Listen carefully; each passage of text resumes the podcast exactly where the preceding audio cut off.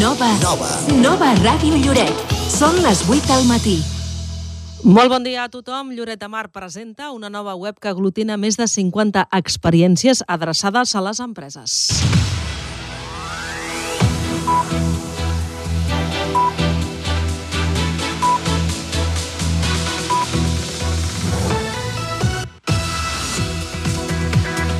Són propostes de tot tipus de caire cultural, esportiu, saludable, gastronòmic, d'oci o bé sostenibles, però que són a totes activitats úniques, locals de proximitat i també autèntiques. És a dir, que no només es poden fer aquí a Lloret i, per tant, ofereixen valor afegit a les estades que realitzen les empreses en el destí. Aquesta nova eina està pensada per a empreses, no per a públic final, i proposa activitats tan variades com l'experiència immersiva sobre canvi climàtic al castell, una neteja del fons marí, taller de daiquiris, pràctica de rem amb llagut, una cursa d'orientació a les vinyes de Sant Pere del Bosc o bé escape rooms culturals. Aquesta nova pàgina web es troba en quatre idiomes que són català, castellà, anglès i francès. És el nostre tema de portada d'avui divendres, dia 23 de febrer. Molt bon dia a tothom i benvingudes al Bon Dia Bona Hora. Per saber què més hem preparat avui a l'informatiu, donem pas a la resta de titulars i ho fem amb el nostre company Eduard Lanzas. Eduard, molt bon dia. Hola, Rosa, bon dia a tothom. Avui repassarem les cites esportives del cap de setmana, inclosa la regata de Llaguts de diumenge a Cala Canyelles. I recordarem totes les activitats del cap de setmana, com el 25è aniversari del Centre d'Estudis de Llengües, el CELL, o la revolta de Joseps, una efemèride 100% lloretenca. I no oblidem que l'agenda ve marcada per la plec dels perdons i el Dia d'Andalusia, a més del concert de vigília i l'obra de teatre La Gallina Parda, solidari també amb l'associació Pas a Pas. Ja a la segona part farem una entrevista extensa en dos escenaris simultanis, aquí amb els alumnes de l'Institut Coll i Rodés i també a la ràdio de l'Institut Serra Llarga de Blanes per tal de parlar amb els estudiants que preparen l'espectacle Obre els ulls. Com sempre, també repassarem els titulars del dia a les portes dels, dels diaris i sabrem quina és la previsió del temps, important sempre a les portes del cap de setmana. Amb tota aquesta informació donem pas al Bon Dia Bona Hora que fem possible amb Moisès Garcia, Maria, Joan Comartí, Eduard Lanzas i qui us parla, Rosa Giral. Bon dia, bona hora. De dilluns a divendres, de 8 a 9 del matí.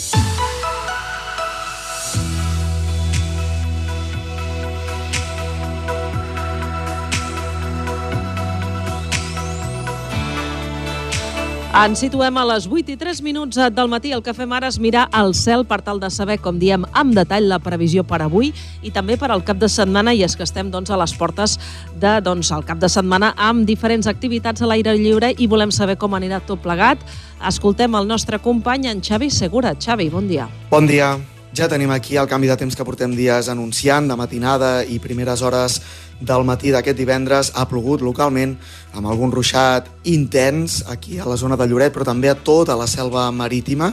I després d'una treva matinal de cara al migdia i durant la tarda no es descarten noves nuvolades potser amb algun ruixat, una loteria tot plegat, molt dispers, però un temps que es mantindrà insegur i potser amb vent que es pot deixar notar en alguns moments del dia de forma intermitent i amb aquestes temperatures que ja han baixat de nit i encara ho farà més de dia amb una màxima al voltant dels 16 graus, però encara ha de baixar més la temperatura de cara a dissabte. Per tant, contrast marcat entre la típica primavera dels últims dies i aquest ambient més hivernal a partir d'aquest divendres. Precaució, doncs, amb els refredats, com el que tinc jo, perdoneu aquesta afonia. I de cara a dissabte quedarà inestabilitat. Hi haurà noves nuvolades i potser alguns ruixats entre el migdia i la tarda, especialment a l'interior de la selva, però també eh, poden arribar a la selva marítima. I de cara a diumenge hi haurà més núvols, poc risc de precipitació, augmenta una mica la temperatura de forma transitòria a l'espera que l'ambient invernal es mantingui de cara a l'inici de la setmana vinent i potser amb noves precipitacions. Gràcies, Xavi, per tota aquesta informació. El que fem ara és complementar-ho amb les dades que tenim en aquests moments a Lloret de Mar i comencem amb la pluja. Són 9 litres per metre quadrat els que s'han caigut a les últimes hores aquí a Lloret de Mar. És una informació que ens aporta el nostre col·laborador, en Jaume Mas de Vall. També doncs, hem d'afegir la temperatura, que ara mateix és de 7 graus, i la humitat a aquesta hora elevada, del 90%.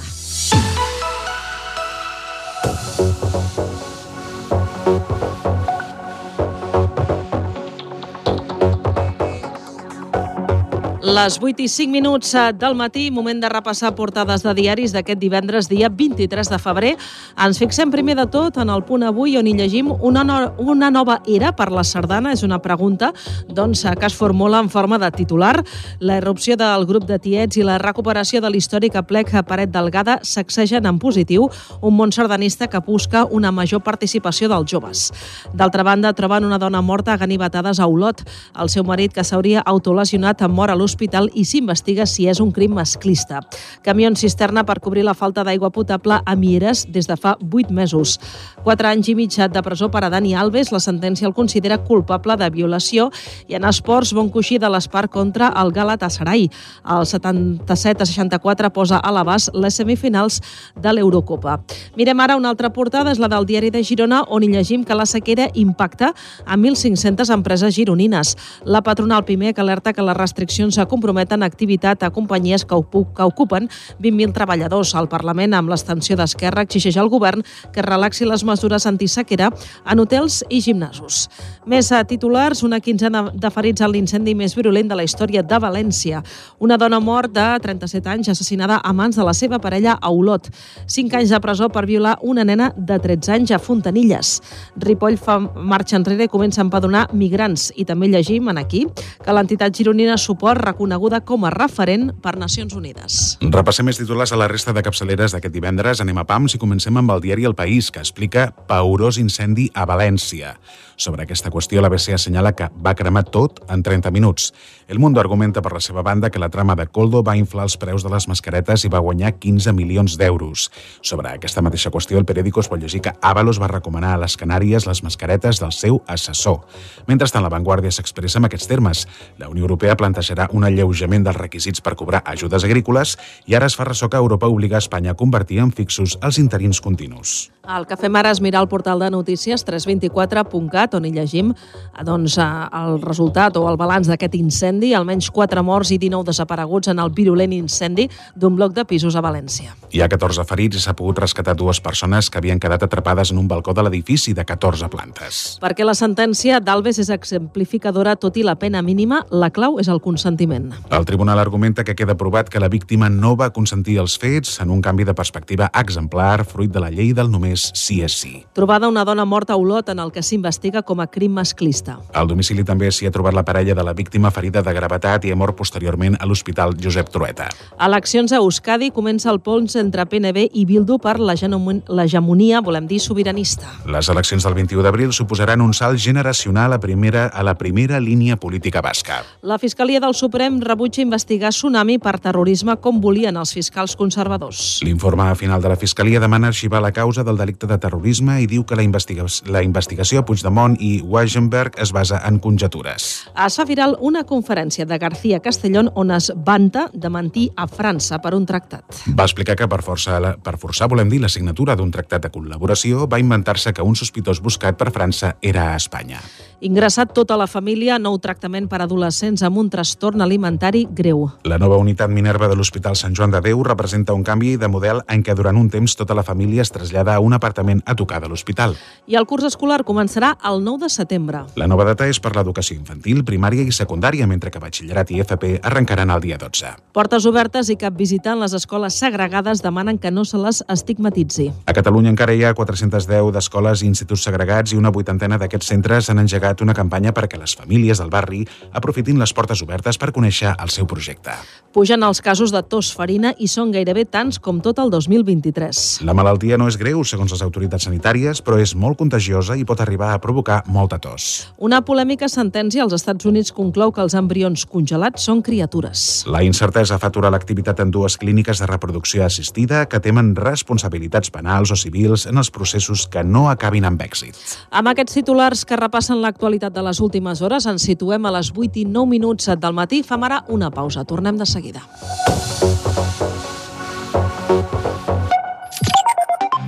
Arriben les rebaixes a la tienda de Nolin. Renova el teu armari i no et perdis l'oportunitat de lluir espectacular aquesta temporada. Descobreix una àmplia selecció de roba, complements i també talles grans. Ens trobaràs als baixos del centre comercial Caravela. Posa't guapa amb les rebaixes de la tienda de l'Olin. Cartelleria digital de Víctor So el canal publicitari del segle XXI per captar l'atenció dels teus clients. Pantalles informatives, tòtems i pantalles LED pel teu negoci. Gestiona els continguts de manera remota amb qualsevol dispositiu mòbil, Android o iPhone, perquè a Víctor So sabem que la comunicació amb el teu client és el més important. Víctor So. Ens trobaràs a l'Avinguda Vila de Tossa 5052 de Lloret de Mar. Telèfon 972 36 41 14. A les empreses com a la vida cal posar nom al que fas i sents, perquè darrere de Fitel hi ha 20 anys en el sector de les telecomunicacions, amb més de 10 anys dedicat a ser l'operador d'internet a Lloret de Mar. I ara seguim avançant perquè més pobles de la comarca tinguin el mateix servei que tu. Perquè darrere de Fitel hi ha persones que fan de la seva feina la seva passió. I tu? Ja ets de Fitel? Fibra òptica i telefonia mòbil a Lloret de Mar sempre a prop teu. Centre Mèdic Loreto. Obtenció i renovació de permisos de conduir, llicències d'armes, seguretat privada, animals perillosos, obtenció de targeta de residència, tot tipus d'esports i la tramitació gratuïta del permís de conduir. Tenim el servei de medicina general, pediatria, psicologia i fisioteràpia. Treballem amb les principals mútues. Centre Mèdic Loreto. Carrer Verge de Loreto 53, al costat de la Policia Nacional. Telèfon 972 36 96 12. Et sents esgotat física i mentalment? Atrapat en la rutina diària?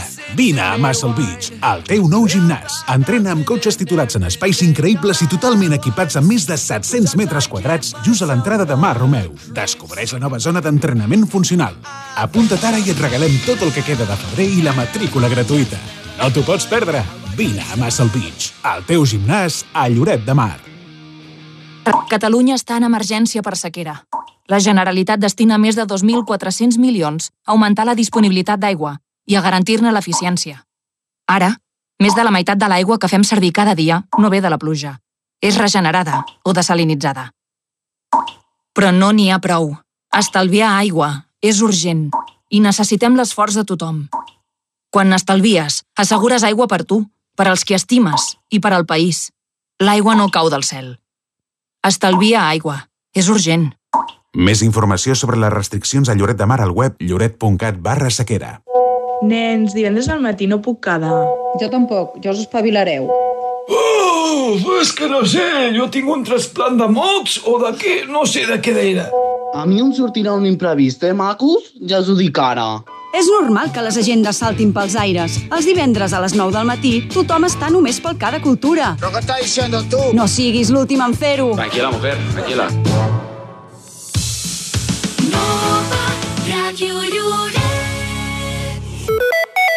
Bon dia, bona hora.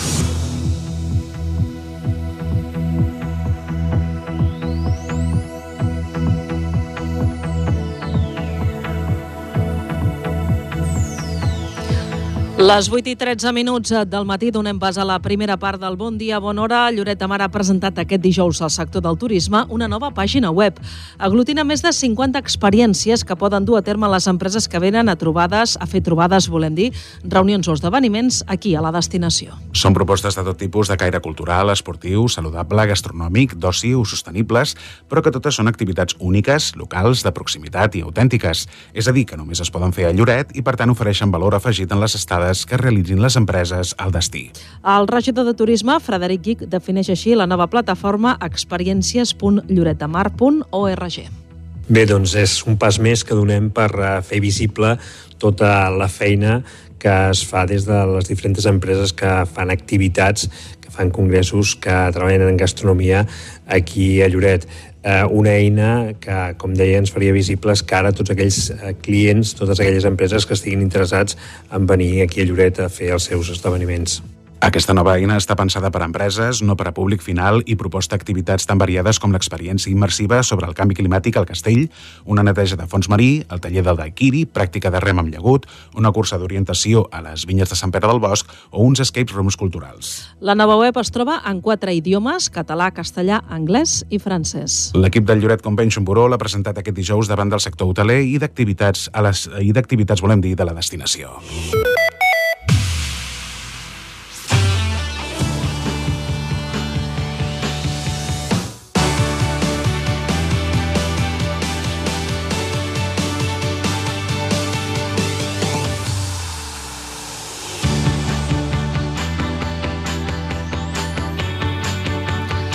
Un quart de nou en punt del matí, donem pas a la plana esportiva. Lloret de Mar serà la seu de la segona regata de la Lliga Catalana de Llagut. Serà aquest diumenge al matí a la platja de Cala Canyelles i l'organització recau en el Club de Rem Hotelers. La cita comptarà amb la participació de 36 equips de 13 clubs d'arreu de Catalunya amb una presència majoritària de bugadors veterans. Com a representant de Lloret de Mar hi haurà el Club de Rem Santa Cristina amb quatre equips, un cadet masculí, sènior femení, veterà masculí i veterà femení.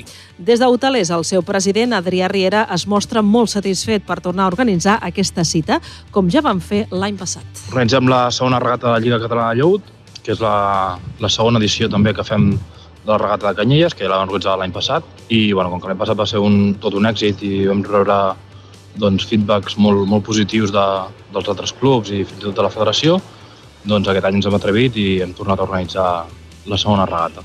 Estem molt contents perquè, a part, Lloret és un destí que la gent agrada molt, que tenen doncs, molts serveis, no? tant hotel, restauració, i a part doncs, que estem en un lloc idíl·lic, no? a la Costa Brava, a la, a la Cala Canyelles, que és eh, preciós, és espectacular. El dia abans, aquest dissabte, es disputarà la no una nova regata de la Lliga de Batel, que tindrà lloc a Castelldefens. Hi participaran 28 equips de 8 clubs diferents, entre els quals hi haurà Santa Cristina amb 5 tripulacions i pescadors amb dues. El que fem ara és repassar els partits més destacats del cap de setmana. Comencem amb el Club de Futbol Lloret en la 19a jornada de la Lliga Elite. El rival serà la Guinaueta, que ocupa el desè lloc de la classificació.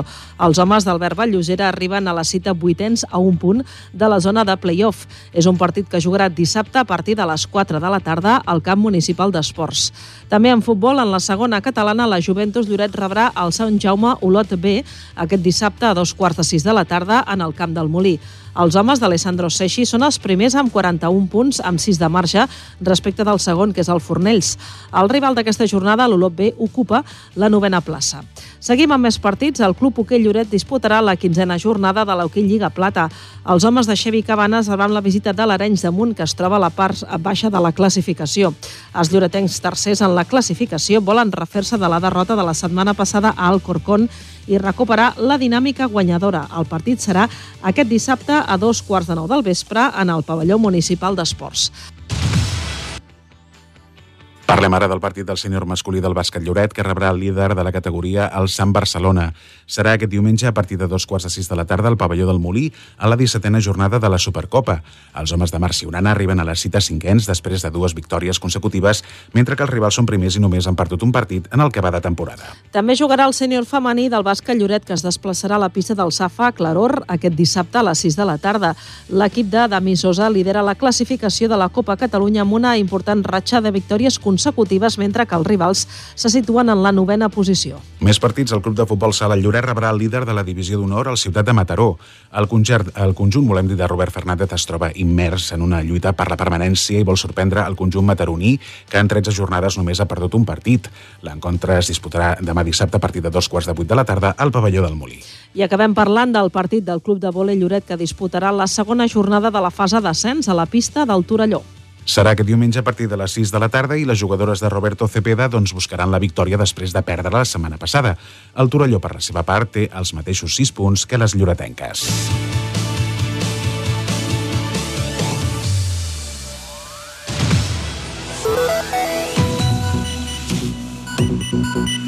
Bon dia, bona hora. De dilluns a divendres, de 8 a 9 del matí. Les 8 i 19 minuts del matí repassem l'agenda del cap de setmana. Les escoles Pere Torrent i la llar d'infants als Pops organitzen aquest divendres, per tant, avui, una xocolatada solitària per recaptar diners per la recerca del càncer infantil. La iniciativa es du a terme a centres d'arreu i la recaptació s'adreça a un projecte de l'Hospital Sant Joan de Déu. Una representant de l'AFA del Pere Torrent, l'Associació de Famílies d'Alumnes, Sònia Gómez, explica que han preparat una tarda farcida d'activitats a partir de dos quarts de cinc amb pintacares, henna, trena, ceràmica i l'Associació d'Artesanes de Lloret, que faran tallers, entre altres cosas. Desde la AFA estamos organizando una gran fiesta, desde pintacaras, henna, trenzas, las artesanas, la Asociación de Artesanas de Lloret harán algunos talleres, coca, melindros. Los donativos son un euro, cerámica. Eh, desde las aulas también se han hecho algunos proyectos para dar visibilidad y tomar conciencia, poner el foco sobre todo en la, importancia de, de, ser solidario. El equipo docente también se ha implicado muchísimo desde dirección. O sea, en el Pera Torrent somos una gran familia des de l'AFA del Pere Torreno agraeixen l'àmplia col·laboració que han tingut de negocis locals que han aportat el seu granet de sorra. També celebren aquest divendres la xocolatada solidària a la llar d'infants als Pops. Clau Soler anima tothom a acostar-s'hi tant al matí com a la tarda de 8 a 11 i també de 3 a 5. Des de la llar d'infants municipal Lola Anglada, un any aquest divendres 23 de febrer, a la llar d'infants municipal Els Pops, des de les 8 del matí fins a les 11 i de les 3 a les 5, farem la xocolatada solidària, que és una iniciativa de l'Hospital Sant Joan de Déu per impulsar la investigació del càncer infantil. El donatiu mínim serà de 2 euros per un got de xocolata i un fartó. Us hi esperem a tots. A la campanya també s'hi sumen cada any l'Escola Esteve Carles i la llar d'infants Lola Anglada, que van fer la xocolatada dies enrere. Escoltem la directora, Natàlia Griffith. Des de la llar d'infants municipal Lola Anglada, un any més hem volgut col·laborar i posar el nostre granet de sorra amb la xocolatada solidària. La xocolatada solidària eh, es fa a nivell de Catalunya i d'Espanya i podeu seguir-la per Instagram, que, que allà mostren tota la tasca que fan, no? I l'objectiu doncs, és recaptar diners per la investigació del càncer infantil en benefici de Sant Joan de Déu. Per tant, amb aquest motiu ens fa sentir molt i molt orgulloses no? de, de poder-hi col·laborar. Des de la Lola Anglada també agraeixen tot el suport que reben sempre per poder sumar-se a la campanya solidària. Més coses, a festa avui divendres en el Centre d'Estudis de Llengües per al seu 25è aniversari amb canvi d'ubicació. L'escola ha deixat enrere el seu despatx, el seu despatx a la seva local del passatge Felip i Givert, al costat de la plaça París, per obrir un nou espai més ampli, modern i accessible al carrer Oliva un equipament que, a més, compta amb un espai de coworking. L'actual directora del centre, Esther Sugranya, recorda com van ser els inicis quan la seva mare va començar a fer classes de francès i tècniques d'estudi. Aquest centre neix perquè la meva mare és professora de francès i no comença allà on estàvem abans, allà a la plaça Pris, sinó comença amb un piset petit d'un cosí, a l'Emilio, que li va llogar i va començar a fer classes de francès. I d'allà salta de seguida a poder anar doncs, al pis que abans era dels meus pares, a la plaça París, i comença que la gent li diuen home, però només fes francès i tècniques, home, perquè no ens fas anglès, que volem? I va ser una demanda dels pròpies famílies de dir, home, si fas el francès i les tècniques i ens ho fas també, per què no ens fas anglès, que és el que volem? Esther Sogranyes explica que encara guarden el títol de la primera alumna del centre que en va obtenir un. Dels 25 anys d'història del centre, la directora es queda amb les relacions personals, tant amb el professorat com alumnes i també amb la família. Dades serien doncs, els centenars, milers de títols obtinguts pels alumnes, que per mi és el gran regal, i que és un regal per ells i per les famílies, però per nosaltres és un gran regal. Després també la quantitat de doncs, professors, dues professores que també es van jubilar amb nosaltres, que crec que és una cosa molt maca per recordar que professores es puguin jubilar doncs, a la teva empresa. I després les vivències doncs, a, amb els meus pares, de discussions, d'alegries i de, de preocupacions que hem viscut doncs, al centre. Sobre les noves instal·lacions al carrer Oliva, Esther Sogranyes comenta que ha estat un canvi complicat, però dels obstacles n'han fet una oportunitat i ha creat un equipament molt modern i funcional. És un espai que conceptualment és diferent, o això és el que hem intentat, que sigui diferent, on les professores, per exemple, no tenen una taula de profe com a tal, on l'aula no és d'una professora, sinó que cada aula l'escollim depenent de les necessitats del grup o de l'alumnes. Llavors, la idea és aquesta, que sigui diferent. I una miqueta ja és diferent perquè tothom ens ho diu, no? De que, ostres, és que es veu tot. Sí, sí, és que és això. La idea és aquesta, que tothom ho pugui veure, el que fem, que ja ens agrada que es vegi. Per celebrar el primer quart de segle de vida, el centre farà una petita festa avui divendres entre dos quarts de sis de la tarda i les vuit del vespre. Tant usuaris actuals com antics alumnes estan convidats a prendre una copa de cava i veure les noves instal·lacions. Passem a demà dissabte en què es commemora la revolta dels Joseps a Lloret de Mar. Els fets es remunten exactament a 236 anys enrere, el 24 de febrer del 1788, quan un grup de pescadors es va negar a pagar el delma del peix als representants del capítol de canonges de Girona. Era un impost obligatori que els eclesiàstics cobraven en espècies tant a pescadors com a pagesos. Els pescadors, però, alegaven que en una cèdula reial indicava que el peix havia de quedar lliure d'impostos. Malgrat la revolta, l'impost es va haver de seguir pagant fins a 17 anys després, el 1807. Cesc Mas, llicenciada en Història, va fer un extens treball mentre estudiava la carrera amb el qual va rebre un premi des del Consorci de la Costa Brava i després el Club Marina Casinet en va publicar un llibre. Ella mateixa ha explicat que en aquesta època la població de Lloret depenia de la canongia de Girona i, per tant, havia de pagar els impostos a la catedral de Girona. Un d'aquests impostos era el delma del peix, que és el que els pescadors es van negar a pagar. Un d'aquests impostos que es pagava doncs, era el del delma del peix. I els pescadors, doncs, el 24 de febrer, com tu molt bé has dit, que dissabte doncs, serà aniversari, van començar una revolta perquè doncs, es queixaven per haver de pagar aquest impost, perquè s'havien publicat uns anys uns anys abans unes cèdules reials en els quals es deia que el peix havia de, acabar, de, de quedar lliure de pagar impostos. Una protesta popular que va, que, que va comptar, volem dir, amb un ampli suport de la població. El nom ve donat perquè la majoria dels homes a qui van jutjar pels fets es deien Josep. El fet que es digui la revolta dels Joseps era perquè eh, set dels vuit que van condemnar com a incitadors de la revolta es deien Josep. A part de pescadors, també se'ls van sumar altres eh, persones de la població que potser doncs, eren camperols, menestrals, que els hi van donar suport. I llavors de les persones que van anar a judici, doncs, eh, set es deien Josep. D'aquí ve que se'ls la conegui com la revolta dels Joseps. El llibre publicat pel Club Marina Casinet, en aquest cas, sobre la revolta del Josep, es pot consultar també a l'arxiu musical municipal.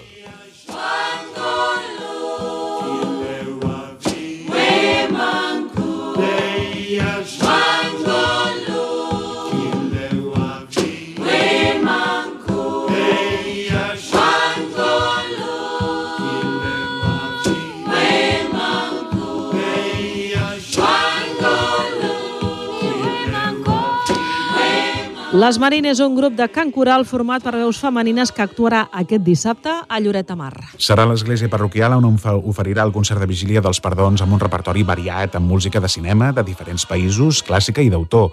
Ho explica la directora del cor, Glòria Garcés. Som el cor Les Marín, venim de Banyoles. Aquest dissabte ens podreu sentir a l'església de Sant Romà, de Lloret, a les 8 del vespre, um, per celebrar la vigília de la Festa dels Perdons. Mireu, el nostre repertori és molt xulo, molt entretingut, molt amè, i podreu escoltar tant música de pel·lícules, músiques del món, música d'autors... En fi, que si veniu us ho passareu molt bé. Us hi esperem! El cor Les Marín, que és de Banyoles, el formen una trentena de cantaires que, a més d'interpretar música de diferents cultures, incorporen el moviment com a via d'expressió. El concert arriba demà dissabte 24 de febrer a les 8 del vespre a la parròquia de Sant Romà.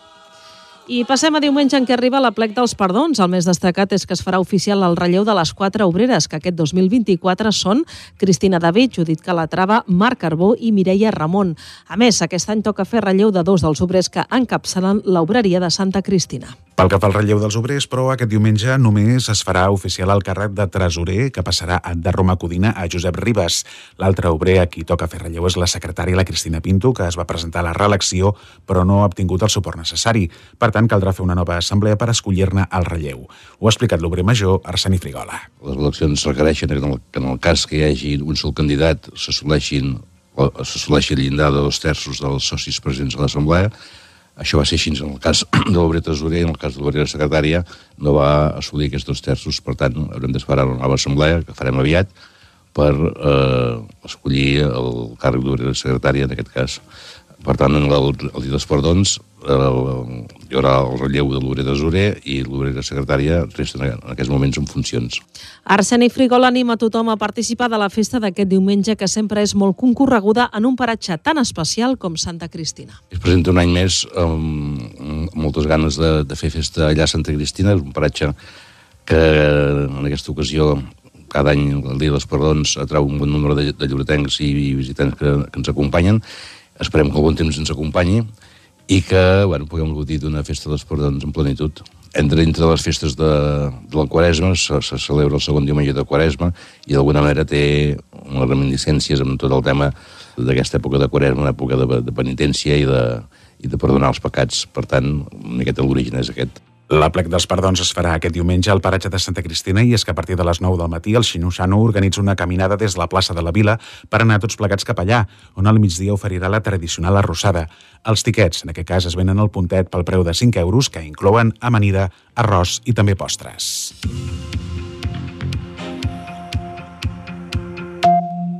Bon dia, bona hora. De dilluns a divendres, de 8 a 9 del matí.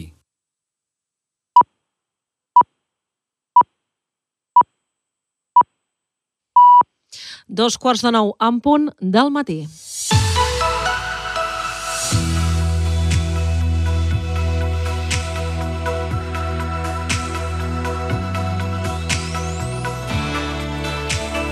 El que fem ara en el Bon Dia Bona Hora recuperar la crònica del temps sempre interessant a les portes del cap de setmana. És una informació del nostre company, en Xavi Segura. Xavi, molt bon dia.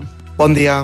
Ja tenim aquí el canvi de temps que portem dies anunciant, de matinada i primeres hores del matí d'aquest divendres. Ha plogut localment amb algun ruixat intens aquí a la zona de Lloret, però també a tota la selva marítima.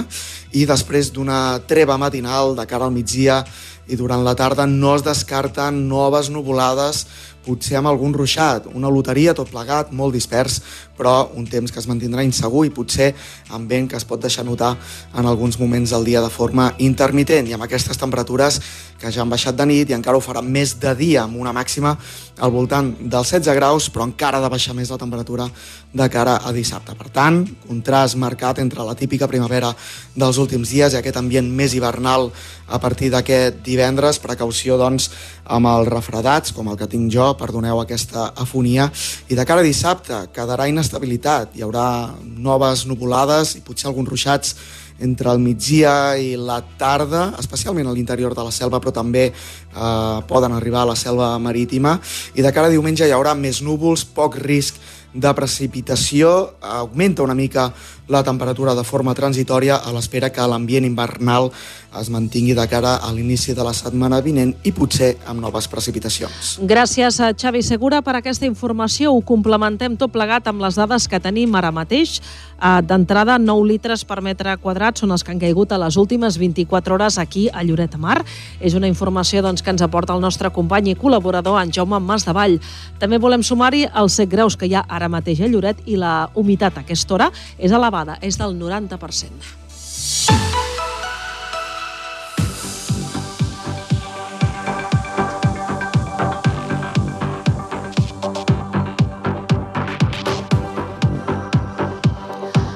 Les 8 i 32 minuts del matí som a divendres, dia 23 de febrer del 2024. Repassem què diuen les portades dels diaris. Comencem amb el punt avui on hi llegim una nova era per la sardana. És una pregunta que es fa a aquest diari. La irrupció del grup de tiets i la recuperació de l'històric aplec de Paret Delgada sacsegen en positiu un món sardanista que busca una major participació dels joves. D'altra banda, troben una dona morta a ganivetades a Olot. Camions cisterna per cobrir la falta d'aigua potable a Mieres des de fa 8 mesos. Bon coixí de l'Espar contra el Galatasaray. El 77 a 64 posa a l'abast les semifinals de l'Eurocopa i el darrer titular que llegim en aquesta portada és 4 anys i mig de presó per a Dani Alves. La sentència el considera culpable de violació. Aquest titular referit doncs, a la sentència també el trobem avui en el diari de Girona, on llegim condemnen Alves a 4 anys i 6 mesos de presó per violar una jove en una discoteca.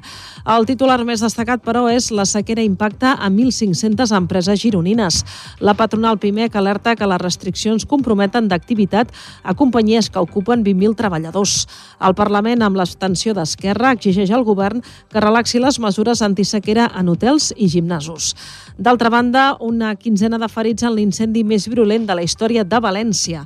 Una dona de 37 anys mor assassinada a mans de la seva parella a Olot. Cinc anys de presó per violar una nena de 13 anys a Fontanilles. També llegim en aquest diari Ripoll fa marxa enrere i comença a empadronar migrants i l'entitat gironina Suport reconeguda com a referent per Nacions Unides. Repassem més titulars a la resta de capçaleres d'aquest divendres. Anem a PAMS i comencem amb el diari El País, que explica paurós incendi a València. Sobre aquesta mateixa qüestió, per la seva part, l'ABC assenyala que va cremar tot en 30 minuts. Mentrestant, el Mundo argumenta que la trama de Coldo va inflar els preus de les mascaretes i va guanyar 15 milions. D'aquesta notícia, també el periòdico es pot llegir que Avalos va recomanar a les Canàries les mascaretes del seu assessor. Mentrestant, la Vanguardia s'expressa amb aquests termes. La Unió Europea plantejarà un alleujament dels requisits per cobrar ajudes agrícoles i ara es fa ressò que Espanya obliga, en aquest cas Europa obliga Espanya a convertir en fixos els interins continus. El que fem ara és mirar els, els titulars del 324.cat, on hi llegim almenys 4 morts i 29 desapareguts en el virulent incendi d'un bloc de pisos a València. Hi ha 14 ferits i s'ha pogut rescatar dues persones que havien quedat atrapades en un balcó de l'edifici de 14 plantes. Perquè la sentència d'Albes és exemplificadora, tot i la pena mínima. La clau és el consentiment. El tribunal argumenta que queda provat que la víctima no va consentir els fets en un canvi de perspectiva exemplar fruit de la llei del només sí és sí. Trobada una dona morta a Olot en el que s'investiga com a crim masclista. Al domicili també s'hi ha trobat la parella de la víctima ferida de gravetat i ha mort posteriorment a l'Hospital Josep Trueta. Eleccions a Euskadi comença el pols entre PNB i Bildu per l'hegemonia, volem dir, sobiranista. Les eleccions del 21 d'abril suposaran un salt generacional a la primera línia de la política basca. La Fiscalia del Suprem rebutja investigar Tsunami per terrorisme com volien els fiscals conservadors. L'informe final de la Fiscalia demana arxivar la causa del delicte de terrorisme i diu que la investigació Puigdemont i Wagensberg es basa en conjectures. Es fa viral una conferència de García Castellón on es vanta de mentir a França per un tractat. De fet, va explicar que per forçar la signatura d'un tractat de col·laboració va inventar-se que, un sospitós, que un sospitós buscat per França era a Espanya. Ingressat tota la família nou tractament per adolescents amb un trastorn alimentari greu. La nova unitat Minerva de l'Hospital de Sant Joan de Déu representa un canvi de model en què durant un temps tota la família es trasllada a un apartament a tocar de l'hospital. El curs escolar començarà el 9 de setembre. La nova data és per l'educació infantil, primària i secundària, mentre que batxillerat i FP arrencarà el dia 12. Portes obertes i cap visita en les escoles segregades demanen que no se les estigmatitzi. I és que a Catalunya encara hi ha 410 d'escoles i instituts segregats i una, una vuitantena, volem dir, d'aquests centres s'han engegat una campanya perquè les famílies del barri aprofitin les portes obertes per conèixer el seu projecte. Pugen els casos de tos farina i són gairebé tants com tot el 2023. La malaltia no és greu, segons les autoritats sanitàries, però és molt contagiosa i pot arribar a provocar molta tos. Una polèmica sentència als Estats Units conclou que els embrions congelats són criatures. La incertesa fa aturar l'activitat en dues clíniques de reproducció assistida que temen responsabilitats penals o civils en els processos que no acabin amb èxit.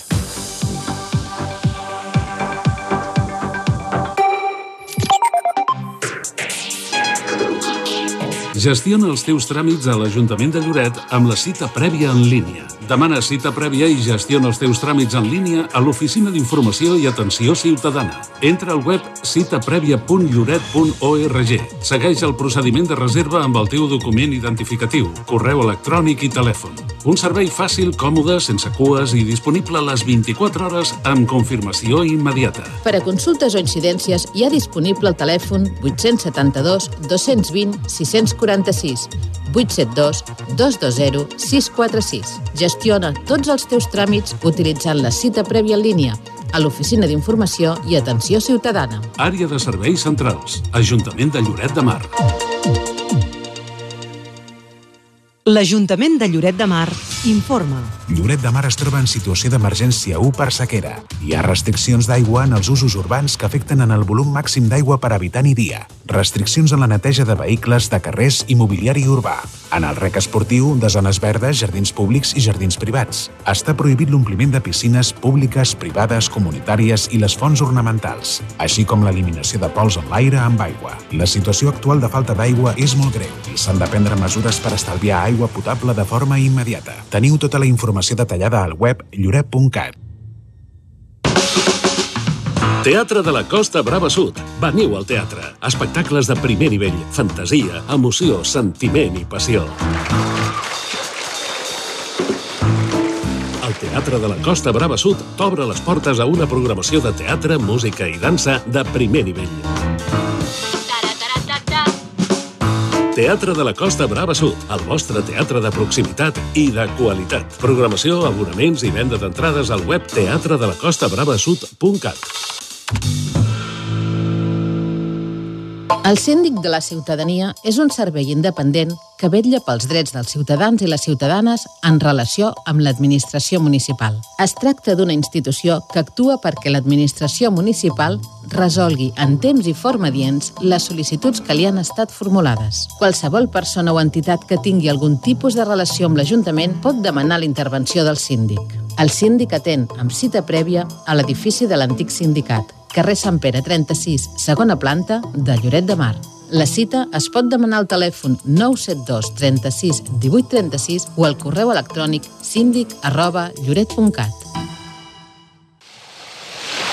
Aquest diumenge se celebra la plec dels perdons. A les 9 del matí, sortida de la plaça de la Vila tot xino-xano cap a la plec. A les 12, missa amb el relleu de les obreres i obrers. A la 1 i les 4 de la tarda, audició de sardanes. Hi haurà la tradicional arrossada popular organitzada per la penya Xino Xano, la plec dels perdons. Organitza Obreria de Santa Cristina. Torna a escoltar les cançons més importants de la dècada dels 60 i fins al 2000. Recorda la banda sonora de la millor època de la teva vida a Vintage. Tots els temes llegendaris els escoltaràs a Vintage. Els divendres de 8 a 10 del vespre a Nova Ràdio Lloret, escolta Vintage amb Òscar Fernández. Recupera el programa en format podcast al web de novaradiolloret.org. Nens, divendres al matí no puc quedar. Jo tampoc, ja us espavilareu. Oh, és que no sé, jo tinc un trasplant de mocs o de què, no sé de què era. A mi em sortirà un imprevist, eh, macos? Ja us ho dic ara. És normal que les agendes saltin pels aires. Els divendres a les 9 del matí tothom està només pel cada cultura. ¿Pero qué estás diciendo tú? No siguis l'últim en fer-ho. Tranquila, mujer, tranquila. Exposicions per visitar a Lloret de Mar. Fins al 15 de març visita l'exposició Una literatura pròpia a la Casa de la Cultura. El reconeixement de l'Institut Català de les Dones a les aportacions que algunes escriptores han fet a la literatura catalana i universal.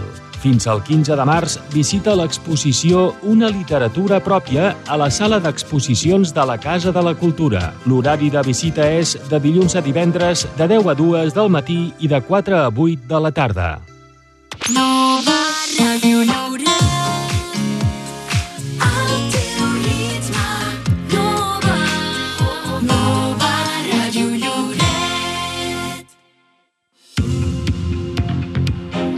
Bon dia, bona hora. De dilluns a divendres, de 8 a 9 del matí. Les 8 i 42 minuts eh, del matí donem pas a la segona part del Bon Dia Bona Hora amb una entrevista molt i molt concorreguda. D'aquí una setmana s'estrena Lloret Obre els Ulls, un espectacle musical de creació pròpia on hi participen tots els instituts de la vila, a més del Serra Llarga de Blanes, Palafolls, Massanet, Caldes de Malavella i Sant Feliu de Guíxols. La iniciativa forma part del projecte educatiu UAP per reivindicar els valors de la pau entre els estudiants de l'ESO i batxillerat a les comarques de Girona. Cada any es tria una temàtica diferent i aquest 2024 l'obra se centra en el consum i el malba- malbaratament de recursos per tal de remoure la consciència de la societat. L'espectacle que es du a terme a diferents seus del territori arriba els propers 29 de febrer i 1 de març aquí al Teatre de Lloret en diferents funcions escolars i obertes al públic, aquestes amb les últimes entrades a la venda.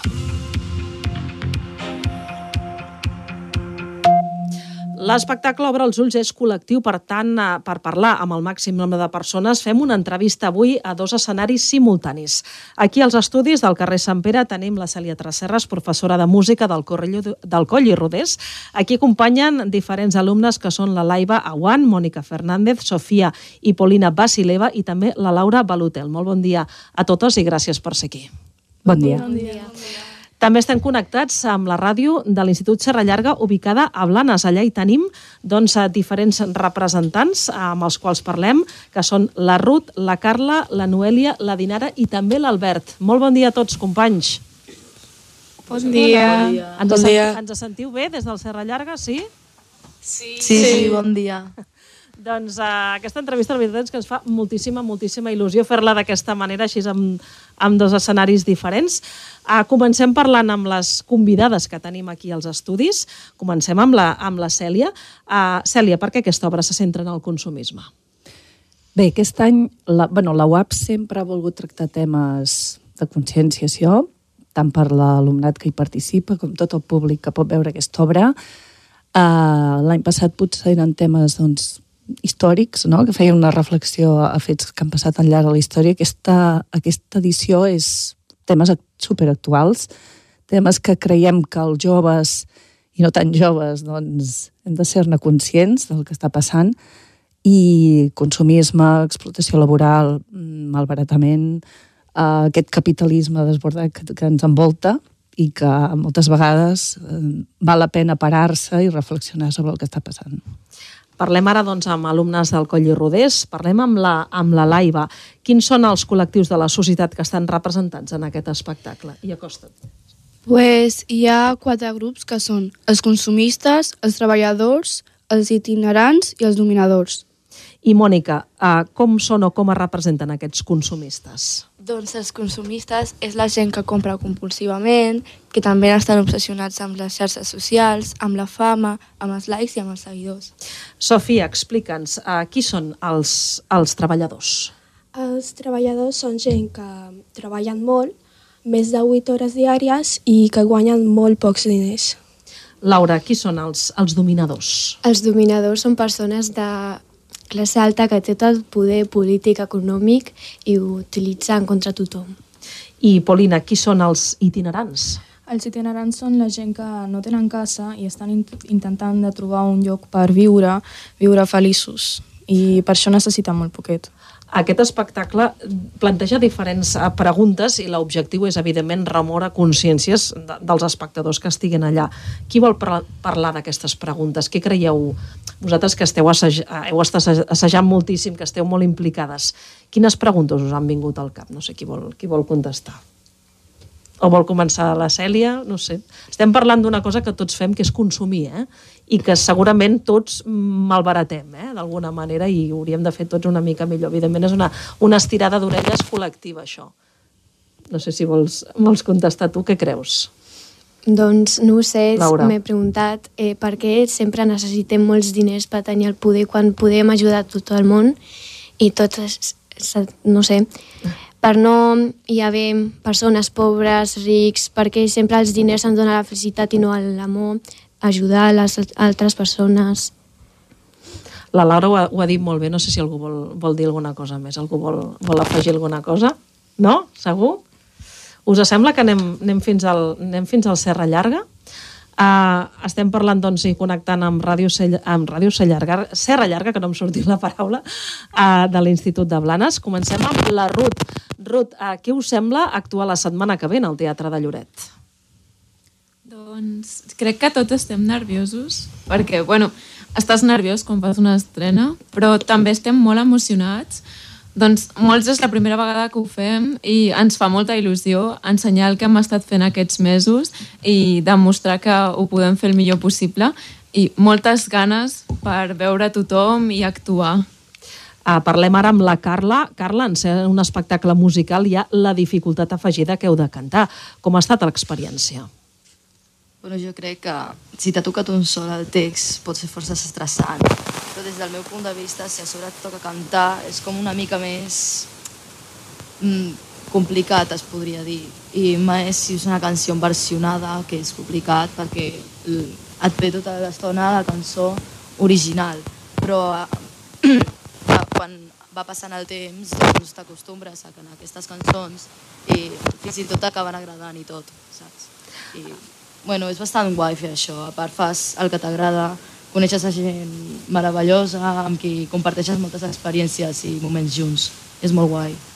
Anem ara amb la, amb la Noèlia. Noèlia, aquest espectacle és de creació pròpia. Què vol dir això? Explica'ns. Doncs vol dir que és una obra on la Mercè i en Món han deixat eh, molta dedicació i molt de treball durant un bon, un bon temps per fer aquest espectacle. Sembla fer aquest espectacle, espectacle traduint diverses cançons i creant coreografies per adaptar a l'obra.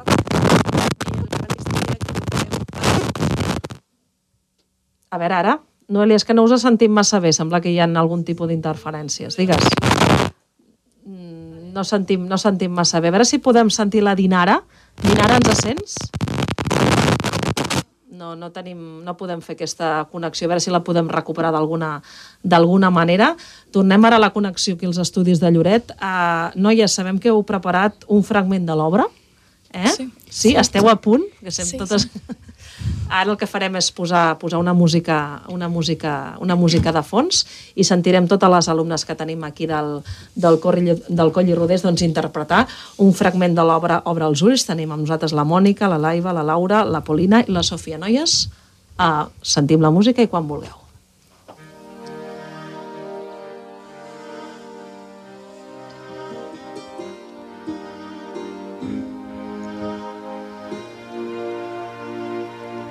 Vaig tenir un somni fa molt temps. somni fa molt temps. Ple d'esperança i alegria. Ple d'esperança i alegria. He arribat en aquest món. He arribat en aquest món. Les diferències existeixen. On les diferències són aquí. Ara som joves amb futur. Ara som joves amb futur. Per començar una nova vida. Per començar una nova vida. Viscut sense tenir res. Viscut sense tenir res. I ara ens tenim els uns als altres.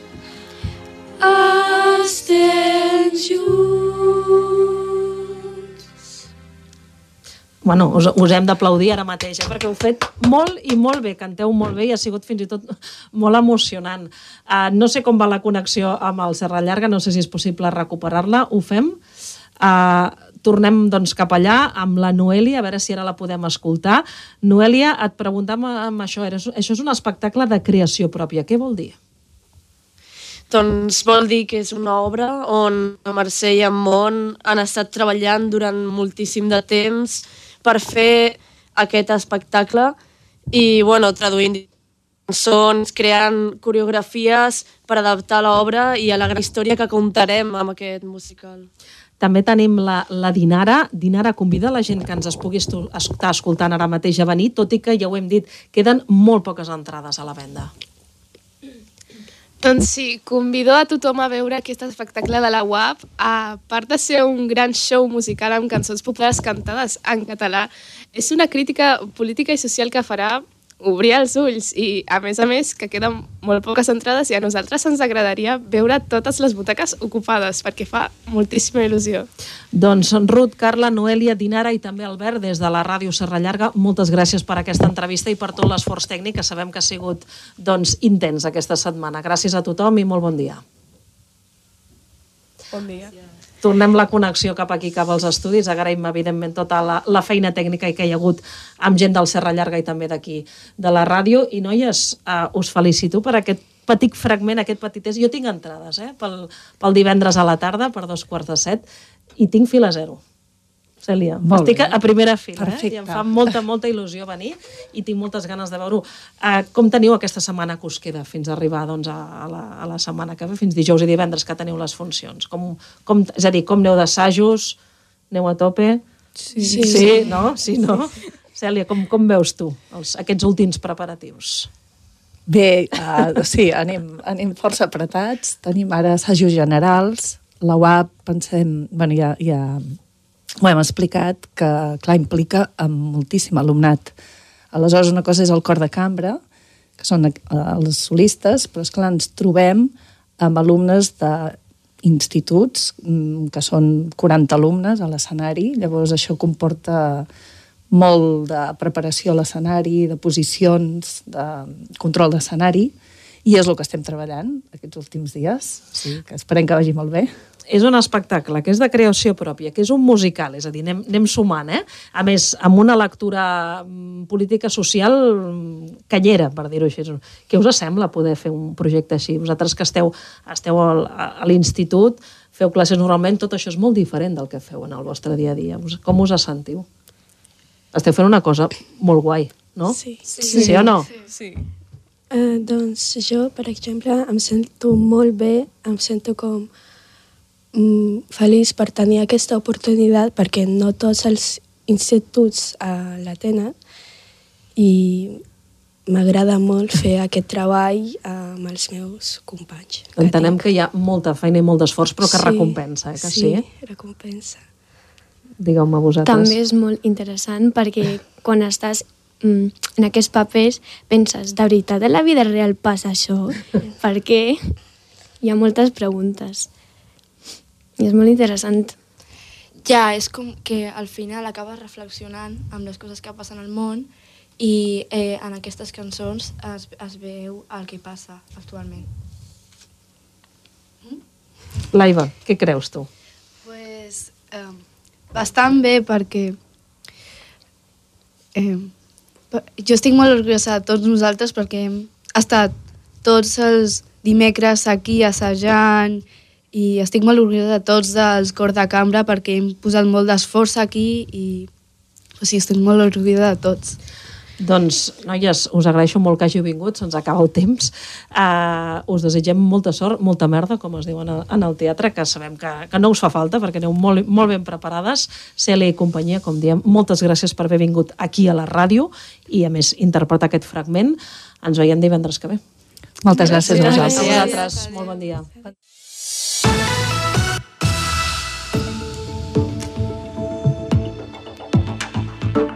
Bon dia, bona hora. De dilluns a divendres, de 8 a 9 del matí.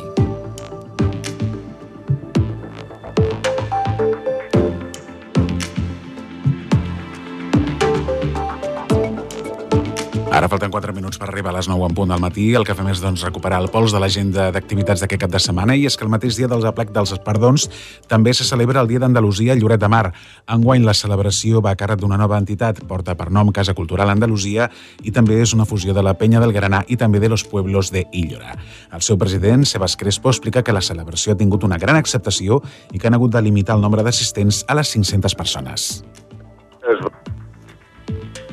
Aquí hay muchos andaluces, ya lo hemos celebrado, el último lo celebramos en el 2020, pero con otra asociación que yo presidía, bueno, presido todavía, y es el primer evento que vamos a hacer como la Casa de Andalucía de Lloret de Mar.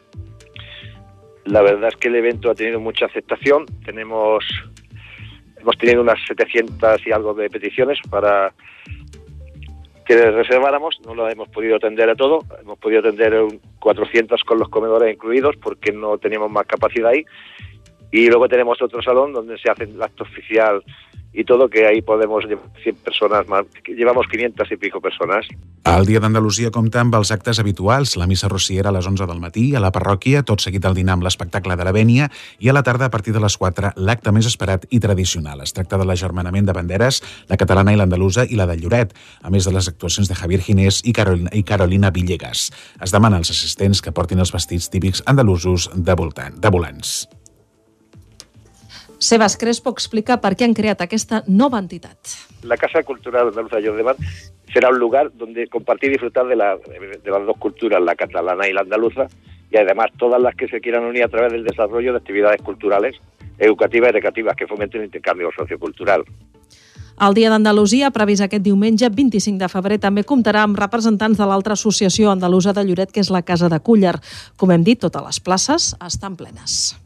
I anem amb més coses. Aquest diumenge s'estrena La maldició de la gallina parda, el debut als escenaris de la nova companyia de Lloret que es Traca Teatre.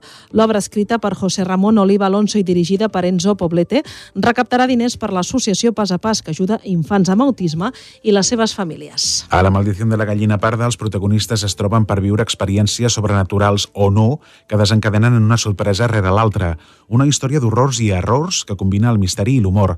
Això ho explica l'autor José Ramón Oliva. Es una especie de pequeño homenaje en clave de humor a la ratonera de, de Agatha Christie. La típica obra eh, de cierto misterio donde se van muriendo las personas una a una, el público no sabe quién puede ser el asesino, eh, hay una maldición de por medio, que es la maldición de la, de la gallina parda precisamente, y todo pues con humor, con humor. Es el tipo de teatro que yo escribo, o sea, yo creo que la gente que lo va a pasar bien, igual también lleva algún susto, no digo yo que no, pero vamos, la obra está hecha desde el humor. La representació és aquest diumenge a partir de les 6 de la tarda en el Teatre de Lloret. Les entrades es poden comprar al local GTC Serveis a la plaça Catalunya, al barri de Can Carbó, i qui no pugui assistir pot col·laborar amb la causa a través de l'anomenada Fila Zero.